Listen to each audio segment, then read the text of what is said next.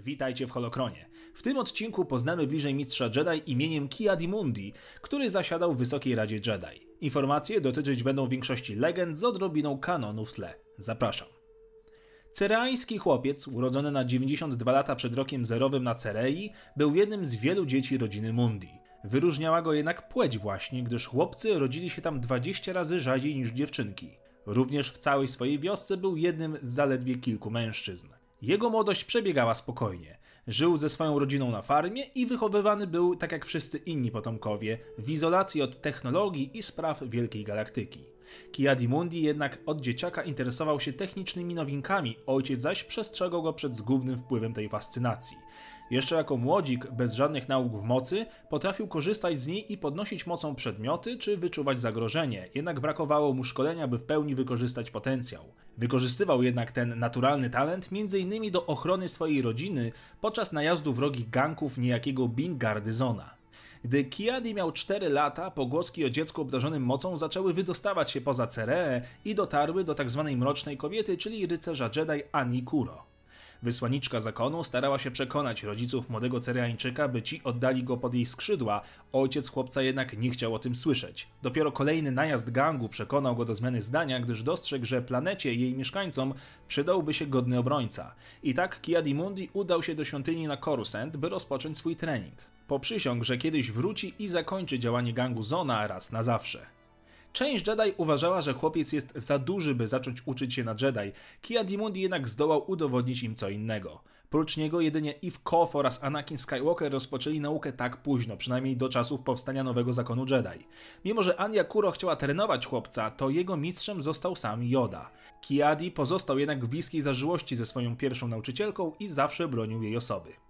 Przez kolejnych 21 lat Mundi ostro trenował pod okiem mistrza Jody, podróżował po planetach, zbudował swój miecz świetlny o purpurowym ostrzu i rozwijał się w tajnikach mocy.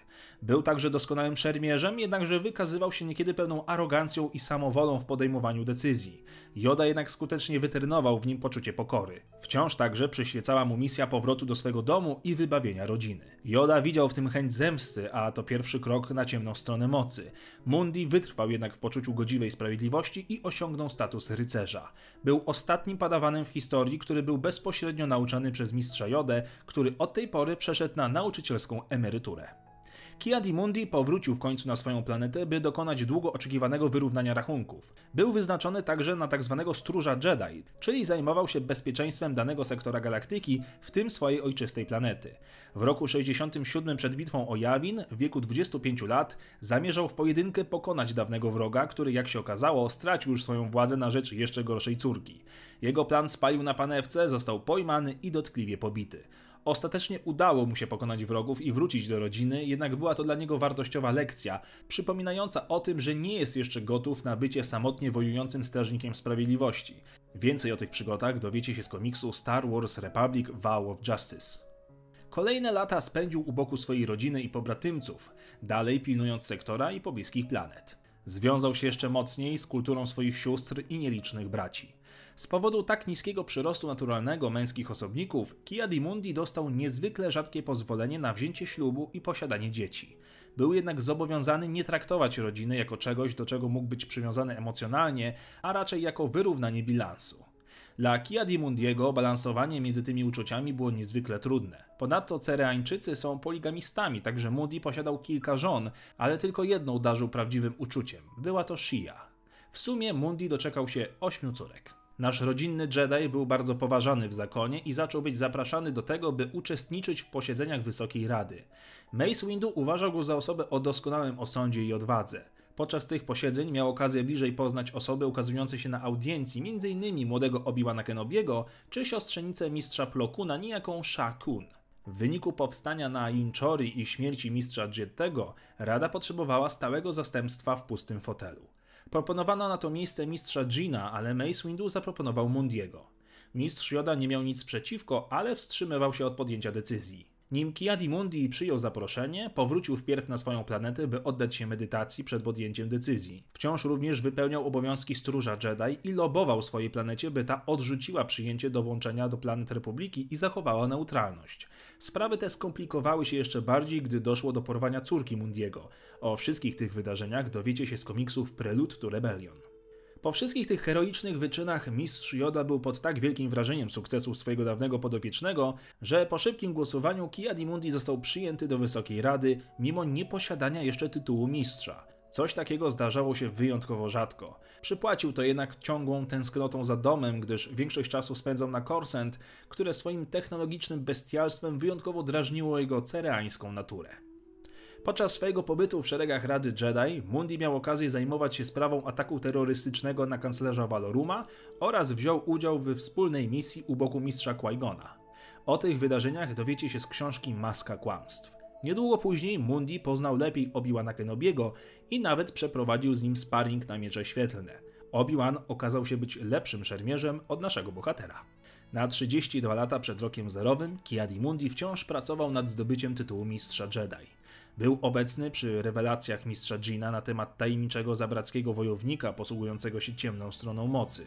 Mundi był przekonany o tym, że takie doniesienia są niemożliwe, Sithowie byli na wymarciu od tysięcy lat. Windu przyznał mu zresztą rację. Rada zgodziła się jednak, by dalej prowadzić śledztwo w tej sprawie. Niedługo potem Mundi poznał również małego chłopca imieniem Anakin Skywalker. Mundi odczuwał lęk przed chłopcem, nie potrafił nazwać tego uczucia, był przekonany, że chłopca czeka straszliwa przyszłość. Niedługo potem mistrz Jean zginął z ręki Sita. Mundi długo nie mógł sobie wybaczyć swojego niewłaściwego osądu, czuł się współodpowiedzialny za śmierć przyjaciela. Nawet medytacja nie przynosiła ukojenia jego sercu. W tym samym roku Mundi otrzymał tytuł mistrza Jedi, choć samego siebie dalej tytułował rycerzem. Niedługo potem dostał wymagającą misję na Tatooine, gdzie dane mu było m.in. walczyć ze smokiem Krayt oraz złowczynią nagród Orą Singh. Więcej dowiecie się z komiksu Star Wars Outlander. W kolejnych latach mistrz brał udział w wielu misjach u boku swych znakomitych przyjaciół, takich jak Kit Fisto, Mace Windu, Plo Koon czy Obi-Wan Kenobi. Udał się m.in. na Malastari. O wszystkich tych wydarzeniach dowiecie się z serii komiksów Emissaries to Malastari. W kolejnych latach wziął również udział w wielkim polowaniu na dawną przeciwniczkę Orem Singh, a te wydarzenia pokrywa komiks The Hunt for Ora Singh. Podczas tych licznych wojaży po galaktyce Moody doczekał się swojego padawana, niejakiego Ashrada Hetta, który w przyszłości miał stać się człowiekiem o imieniu Darth Krayt, ale to już nieco inna historia. Lata mijały, a Mundi brał udział w kolejnych misjach. W końcu, w roku 22 przed bitwą o Jawin, Mundi wraz z mistrzem Windu, Jodą, Plokunem, Kitem Fisto, Luminarą Unduli oraz Barissą Ofe udaje się na tajemną audiencję u kanclerza Palpatina. Ten powiadamia ich o tym, że Republika traci kolejne planety i całe systemy na rzecz rodzącej się Konfederacji Niezależnych Systemów, przewodzonych przez charyzmatycznego hrabiego Duku. Dalsze wydarzenia znamy z filmu. Obi-Wan, Padme i Anakin uwięzieni zostają na arenie Petranaki, a Ki-Adi wraz z innymi Jedi lecą na ratunek, rozpoczynając niedługo potem Wojnę Klonów. Mundi zostaje również mianowany generałem Jedi. Jego kolejną misją jest bitwa o Lianę na Hypori, w której bierze udział u boku Shakti, Aili Sekury i innych Jedi, o czym dowiecie się z serii Wojny Klonów. Galaktyczny konflikt przyniósł straty większe niż Mundi mógł się spodziewać. Teatr wojenny dotarł również na Cereę. W wyniku ataku większość jego ojczystej planety uległa zniszczeniu, a cała jego rodzina, wszystkie pięć żon i osiem córek zostały zamienione w pył.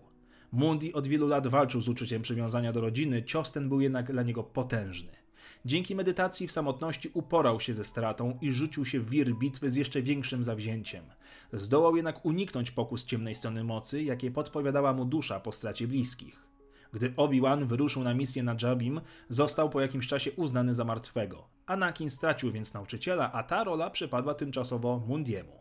O tym, jak trudne było to zadanie, dowiecie się z komiksów No Man's Land. Dalsze misje Mistrza Jedi obejmują m.in. pojedynek z Asajj Ventress, która krzyżowała miecze chyba z każdym możliwym członkiem zakonu Jedi. Udał się również na Geonosis, o czym dowiecie się ponownie z serialu Wojny Klonów. Kolejne lata mijały naszemu bohaterowi na czynnej służbie w Radzie Jedi, aż do ostatecznego spotkania swojego losu. Misja na Magito była jedną z najdłużej trwających bitew, która pochłonęła gigantyczne zasoby ludzkie i techniczne. To jeden z tych konfliktów, który zdawał się nigdy nie wyciszać i wiecznie pożerać nowe ofiary. Kiadimundi przybył na planetę wraz z 501 Legionem klonów, którzy mieli mu pomagać w misji. W rzeczywistości jednak mieli inne, tajne zadanie. Szukali zasobów kryształu, który miał w niedalekiej przyszłości zasilić superbroń nadchodzącego imperium. Moody przeczuwał, że coś jest nie tak, ale jego wątpliwości nie miały teraz większego znaczenia, gdyż trwała wojna. Gdy wydano rozkaz 66, Mundi zdołał jeszcze odbić kilka strzałów, by ostatecznie zostać powalonym na ziemię przez blasterowe pociski. Podobnie jak wielu innych mistrzów Jedi, skonał zdradzony przez żołnierzy klonów. Jak zawsze słów parę o charakterze i umiejętnościach mistrza. Mundi był stoickim mędrcem, który cenił sobie sprawiedliwy osąd, praktyczne myślenie oraz odwagę. Jego podwójny mózg sprawiał, że był on bezgranicznie logiczny i spokojny w podejmowanych decyzjach. Był przez to wybitnym dyplomatą i taktykiem.